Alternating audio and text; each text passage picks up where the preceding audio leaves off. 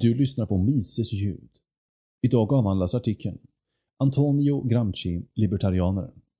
Svensk översättning av Joakim Kempe publicerades på mises.se 16 november 2015.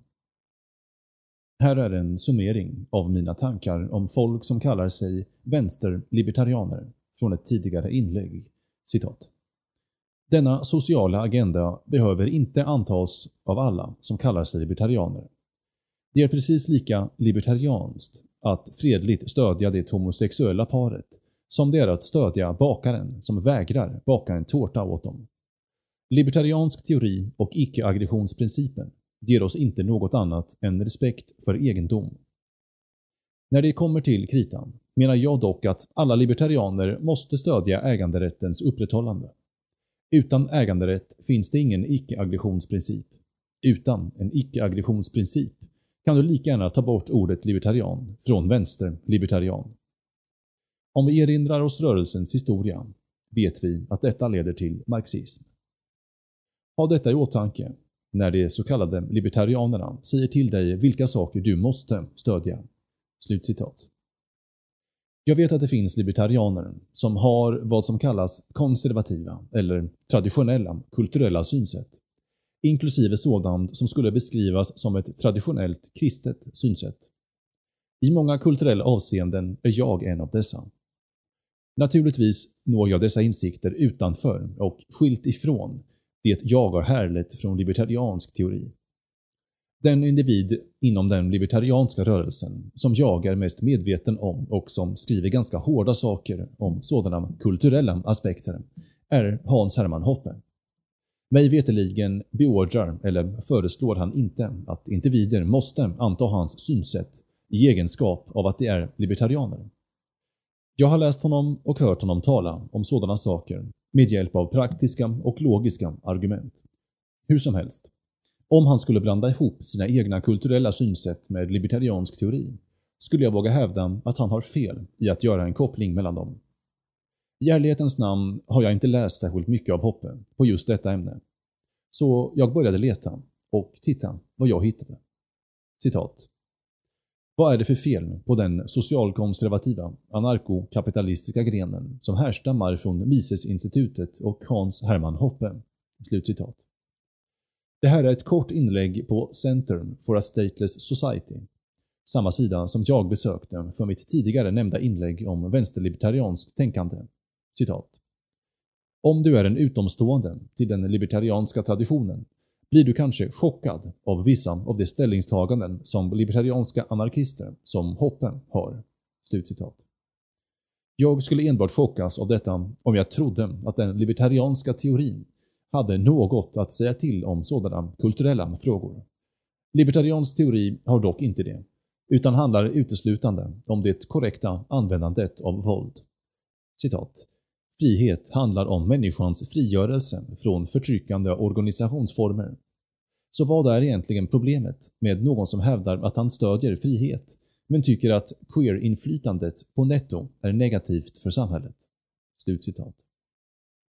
Jag kommer att lämna uttrycket förtryckande organisationsformer utanför denna artikel. Beträffande resten, ponera följande. Vad är det för problem med någon som hävdar att han stödjer frihet men tycker att en hög skilsmässograd på netto är negativt för samhället? Vad är det för problem med någon som hävdar att han stödjer frihet men tycker att utomäktenskapliga barn på netto är negativt för samhället? Vad är det för problem med någon som hävdar att han stödjer frihet men tycker att användandet av droger på netto är negativt för samhället? Vad är det för problem med någon som hävdar att han stödjer frihet men tycker att alkoholism på netto är negativt för samhället? Det är inget problem. Som en libertarian skulle alla dessa fyra påståenden kunna vara rimliga och att tycka något av detta bryter inte mot den libertarianska teorin. Givetvis är det likadant med queer-inflytande. Fortfarande inte övertygad. Fråga C4SS från samma inlägg. Citat. Föreställ er en anti-auktoritär politik som består av två nivåer. På den grundläggande eller metodologiska nivån, är vi alla enade i ett engagemang att skapa en plats där mångfaldiga, decentraliserade samfund kan göra sina egna val av värderingar. Ovanför detta grundläggande nivå finner vi de ideologiska preferenser som tillhör det samfund som var och en vill vara en del av. Slutcitat. Mångfaldiga, decentraliserade samfund som gör egna val av värderingar. Detta är en idé som är fullt kompatibel med libertariansk teori, just eftersom libertariansk teori inte påstår sig kunna lösa en oändlig mängd värderingsval som en individ kommer att göra för att hitta en plats där hon hör hemma. Detta kallas grundläggande.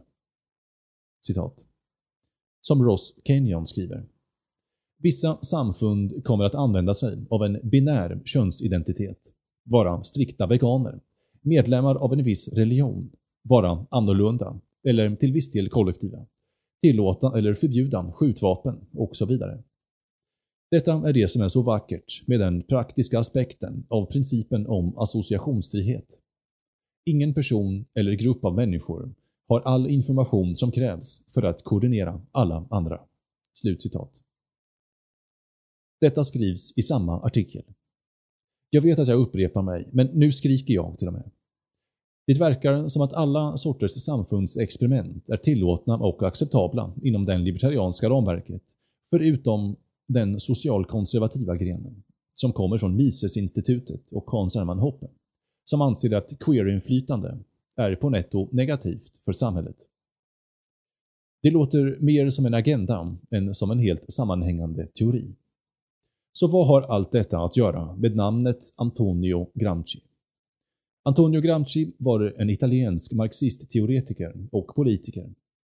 Han skrev om politisk teori, sociologi och lingvistik.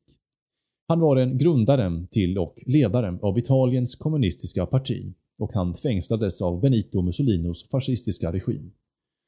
Gramsci är välkänd för sin teori om kulturell hegemoni och beskriver hur stater använder kulturella institutioner för att behålla makten i kapitalistiska samhällen. Innan ni blir uppretade på allvar vill jag förtydliga att jag inte hävdar att vänsterlibertarianer är marxister eller något i den stilen. Trots allt var Gramsci själv ingen marxist. Citat. Den ursprungliga marxistiska teorin placerade produktionssättet i centrum för all samhällelig utveckling genom historien. I princip har alla olika former av socialism, oavsett om den har varit marxistisk eller icke-marxistisk, antagit denna idé.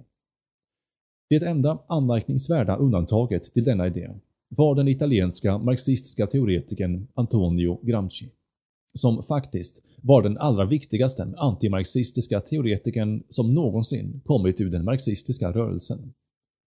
1930 erkände Gramsci att det västerländska samhället var djupt religiöst och det enda sättet att uppnå den proletära revolutionen var att bryta det västerländska folkets tro på kristendomen och det moraliska system som härletts ur den. Han placerade religionen och kulturen i botten av pyramiden.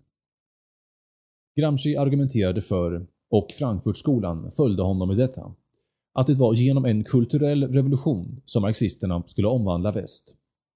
Idén om kulturell relativism. Argumentet var korrekt, men argumentet var inte marxistiskt. Argumentet var hegelianskt.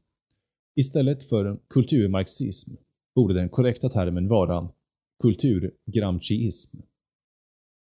Även om de var djupt engagerade i den globala kommunismen visste Gramsci att våld inte skulle vara tillräckligt för att vinna väst. De amerikanska arbetarna, proletariatet, skulle aldrig förklara krig på sina medelklassgrannar så länge de delade sina gemensamma kristna värderingar. Den italienska kommunismen, som var samtida med Lenin, skrev en alternativ plan för en tyst revolution. De huvudsakliga vapnen skulle vara bedrägeri, manipulation och infiltration. De nya kommunistiska krigarna skulle dölja sin marxistiska ideologi och söka uppnå inflytelserika positioner på seminarier och inom staten, samhället och media. Gramsci själv förkastade kristendomen och dess transcendentala påståenden. Trots detta visste han att den kristna kulturen existerade, för den var den kraft som band alla klasser samman till en enda homogen kultur. Det var en särskilt kristen kultur, där individuella män och kvinnor förstod att det allra viktigaste med det mänskliga livet överskred det materiella tillstånd som de levde sina liv i. Gramsci var öppen för att samarbeta med alla inom vänstern. Den första fasen av att uppnå kulturell hegemoni över en nation består av att underminera alla de traditionella kulturens element. Där konventionella marxist-leninister var fientligt inställda mot den icke-kommunistiska vänstern argumenterade Gramsci att allianser med ett brett spektrum av vänstergrupper var väsentligt för en kommunistisk seger. I Gramscis tid inkluderade dessa, bland annat, olika antifascistiska organisationer, fackföreningar och socialistiska politiska grupper. I vår tid skulle allianser med vänstern inkludera radikala feminister, extrema miljöaktivister, rörelser för mänskliga rättigheter, antipolisorganisationer, internationalister, ultraliberala kyrkogrupper och så vidare. Dessa organisationer, tillsammans med öppna kommunister, skapade tillsammans en enad front som arbetade för att förändra den gamla kristna kulturen. Så vad har då Gramsci att göra med vänsterlibertarianer? Som det presenteras av Kevin Carson från hans artikel “What is left libertarianism?” Citat. För att något ska kunna kallas en vänsterlibertariansk agenda måste den även innefatta något om social rättvisa och en kamp mot strukturellt förtryck. Detta betyder, såklart, ett stopp på statligt påtvingad diskriminering baserad på ras, kön och sexuell läggning, men det betyder mer. Det är sant att vi som libertarianer måste motsätta oss alla lagliga begränsningar av associationsfriheten, inklusive lagar om privata företags diskriminering. Men vi borde entusiastiskt stödja direkt handling i vår kamp mot orättvisa i den sociala sfären. Att fokusera särskilt mycket på de intersektionella behoven av våra allra minst privilegierade kamrater i rättviserörelsen, färgade kvinnor och personer inom arbetarklassen, fattiga och arbetande kvinnor, färgade kvinnor, transkvinnor och sexarbetare inom feminismen, kvinnor och fattiga och arbetare inom rasrättviserörelsen delar inte upp dessa rörelser. Carson, likt Gramsci, förespråkar ett aktivt nedbrytande av de traditionella kulturella synsätten. Båda är till vänster och Gramsci välkomnar breda allianser med andra, icke-kommunistiska vänsterorganisationer. Men kära du, du hittar ju bara på allt det där och ser kopplingar där det inte finns några. Okej, okay låt oss då se vad Kevin Carson själv har att säga. Citat. Den allra bästa av de nya marxistiska idéerna, å andra sidan, som till exempel autonomism, har alla att göra med idén om en prefigurativ politik och folkrörelse. Det vill säga, de ser inte övergången till ett postkapitalistiskt samhälle som något hastigt och storskaligt, där alla mäktiga institutioner fångas och sätts under ny ledning. De ser det som en lång övergång från en historisk epok till en annan precis som från feodalism till kapitalism, där det efterträdande samhället uppstår ur en massa olika frön som fanns inom det gamla systemet. Detta är en ansats som på många sätt överensstämmer med den marknadsliberala vänstern.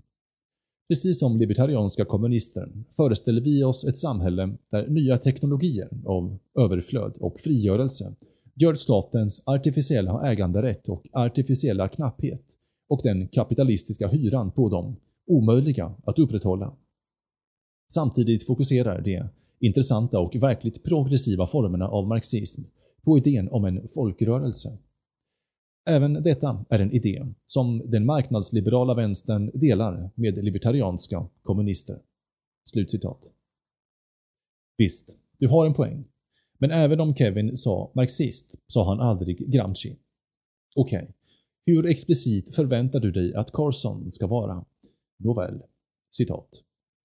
Kombinationen av prefigurativ politik och folkrörelse är på många sätt lika med Gramscis positionskrig, där arbetarklassrörelserna inte uppnår en vinst genom att storma delar av det gamla systemet, ett manöverkrig för att använda hans terminologi, utan inom den bredare kulturen och ekonomin i sig. Det är endast efter att vi har skiftat den övergripande korrelationen av samhällskrafterna som vi kan påbörja den slutliga attacken på det gamla systemets institutionella höjder.” Slutcitat. Jag skulle vilja kursivera något för att betona det, men det skulle i stort sett vara hela stycket. Ni som fortfarande tvivlar kan i alla fall klamra er fast vid denna. Vår ansats skiljer sig dock från Gramscis på ett väldigt viktigt sätt. Vi behöver aldrig sätta igång den slutliga attacken. Enligt Carson kommer alla bitar för hans mångfaldiga samhällen av ekonomiskt illiterala vänsterlibertarianer att falla på plats så fort den traditionella socialkonservativa kulturen förstörts. Givetvis trodde Gramsci att det skulle vara början på kommunismen. Detta är orsaken till att jag kallar den här gruppen av vänsterlibertarianer för Antonio Gramsci-libertarianer. De delar samma mål, och det är att förstöra den traditionella kulturen. Jag önskar kunna sluta där, men det blir bara bättre och bättre, eller värre och värre. Jag återgår till den ursprungliga artikeln från C4SS. Citat. Kort sagt kommer det inte alla att dela dina värderingar i ett fritt samhälle. Vissa kommer att behålla traditionella värderingar med avseende på familjen, sexualitet och religion etc. Så länge de inte medvetet begränsar sin avkomma, så att de inte kan fatta beslut om vilka värden de vill leva sina liv efter, borde vi respektera upptäckandeprocessen som är en grundläggande del av decentraliseringsidén.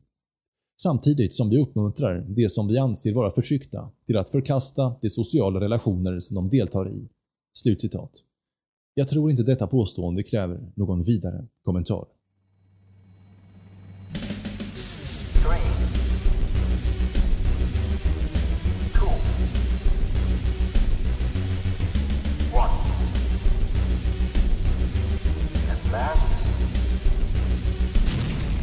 Don't put your trust in politics.